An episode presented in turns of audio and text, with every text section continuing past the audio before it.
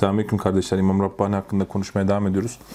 Bahsettiğim gibi önce tasavvufla ilgili görüşlerinden bahsetmeye çalışıyoruz. Önce ilk olarak vahdet vücutla ilgili görüşlerinden bahsettik. Nasihatlerine yer verdik ki ben bunları tasavvuftan sayıyorum. Son olarak tasavvufta e, bir Nakşibendiye ile ilgili sözleri, şeyh mürit ilişkisiyle ilgili sözleri, alimler hakkındaki sözlerinden bahsedeceğiz. Bu konulardan e, bu konulardan bahsedeceğiz. Ondan sonra daha ilmi meselelerle ilgili görüşlerinde, fıkıhla ilgili görüşleri, fıkıh usulüyle ilgili görüşleri, işte bidata yaklaşımı ve benzeri meselelerle, siyasetle ilgili görüşlerine yer vereceğiz diğer videolarda. Son videomuzda da ufak tenkitlerimiz var. Onları şey yapacağız. İnşallah faydalı bir seri oluyordur. Başlayalım. Şimdi Nakşibendiye tarikatı ile ilgili İmam Rabbani'nin tasvirini ele alalım. Söylediğim gibi ben hiçbir tarikatın müntesibi değilim.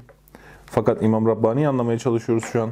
O yüzden e, böyle her sözü tenkit eder bir her sözü tenkit eder ya da beğenir bir şekilde naklettiğimi düşünmeyin. Evet, İmam Rabbani'nin gözünden Nakşibendi tarikatı nasıl bir pozisyonda? Diyor ki Hz. Hacega'nın yolu menzile ulaşan en kısa yoldur. Diğer şeyhlerin sonda eriştikleri bu büyüklerin yolunun başına giydirilmiştir. Bunların nispeti, alakası diğer bütün nispetlerin üstündedir. Nakşibendi tarikatında bakış açısına açısından güzel bir örnek bence. Hemen şöyle. Bazı talebeler Kadiri tarikatını istiyorlar. Nakşibendi tarikatından başka hiçbir tarikatı kimseye öğretmemelisin. Ki böylelikle iki yol arasında herhangi bir karışıklık olmasın. Ama kalpak ve şecere istiyorlarsa bırak mürit edinsinler, yalnız onlara sohbet emri ver. Demiş bir talebesine. 290. mektupta demiş ki, en yakın, en önde, en muvafık, en sağlam, en selametli, en muhkem, en doğru, en dürüst, en yüce, en yüksek, en büyük, en mükemmel tarikat Nakşibendi tarikatıdır. Bu yolun azameti, bu büyüklerin yüce şanı, sünnet-i seniyeye tabi olmaları, razı olunmayan bidatlardan kaçınmaları vasıtasıyladır. O sünnetin sahibine dualar, selamlar ve saygılar olsun. 336. mektupta demiş ki, Celvette halvet, dişi başlığı altında, zahirde halk ile, batında ise hak ile olmaktır. Bu büyük insanlar öyle büyük zatlar ki talebelerin terbiyesi onların yüksek sohbetlerine bağlanmıştır. Eksik olanların tamamlanması onların şerefli teveccühlerine bırakılmıştır. Onların bakışları kalp hastalıklarına şifadır. İltifatları manevi hastalıkları gidericidir. Onların tek bir teveccühleri erbainden olan yüz kişinin amelleri kadar iş görür. Onların tek bir iltifatları senelerin riyazetlerine nefis terbiyesi yolunda çekilen eziyetlere eşittir. Ey Bahtiyar! Hiç kimse bu açıklamadan şöyle bir şey vehmetmesin. Bu vasıflar ve şemailler kıymetli Nakşibendi tarikatının tüm hocaları ve talebeleri için geçerlidir. Yani böyle bir şey düşünmeyin. Bu söylediklerim tüm tarik, Nakşibendi tarikatının tüm hocaları ve talebeleri için geçerli değildir. Hayır. Hatta bu şemailler bu kıymetli tarikatın işi nihayetinde nihayetine vardırmış olan büyüklerin büyüklerine mahsustur diye bir işaret düşmüş. Yani Nakşibendi tarikatı zaten Nakşibendi tarikatının e, büyük alimlerinden birisi İmam Rabbani. Müntesibi bulunduğu tarikata onun bakış açısı bu. Ve Şeyh Mürit ilişkisiyle ilgili neler söylemiş? Şöyle demiş, bilmiş ol ki bir çaba ve zorlama olmadan şeyhin müridine rabıta yapması. Şeyhin müridine rabıtasından bahsediyor. Normalde vakada uygulanan müridin şeyhine rabıta yapmasıdır. Şeyde Nakşibendiye'de bugün en azından benim bildiğim öyle. Mürşitle müridin arasında tam bir münasebete işaret etmektedir.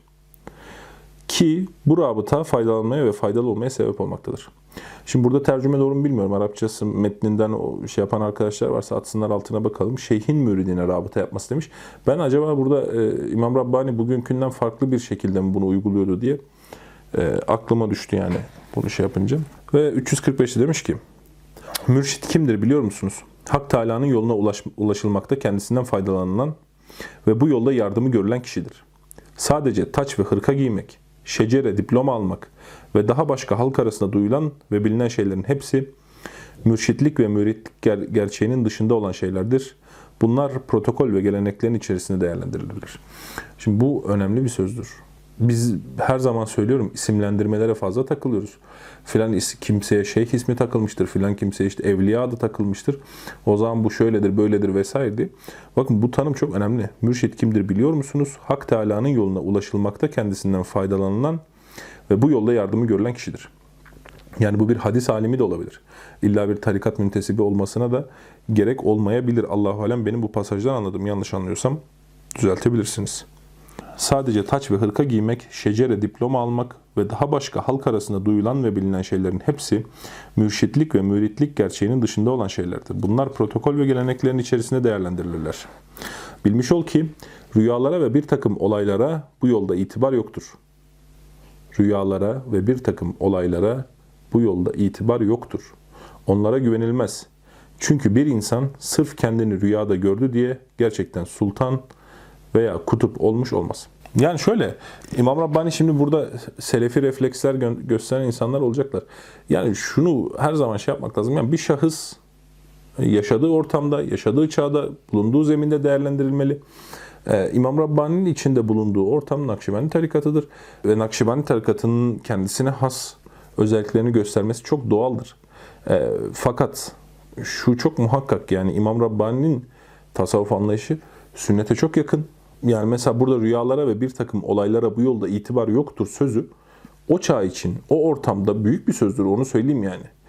Bugün bu söz mesela çok kolay ve hafif gelebilir bize. Hani biz bugün her gün söylüyoruz böyle şeyleri.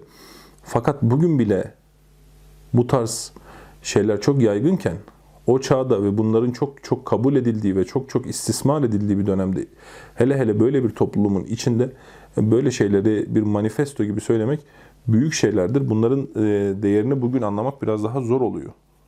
Kanaatindeyim. Evet, alimlerle ilgili görüşlerini vermiş. Diyor ki, e, 194. mektup. Zira kötü alimler dinin hırsızlarıdır. Onların bütün arzuları makam, mevki, riyaset yani başkanlık elde edip insanların pohpohlamalarını sağlamaktır. Dolayısıyla onların bu fitnesinden Allah'a sığınırız.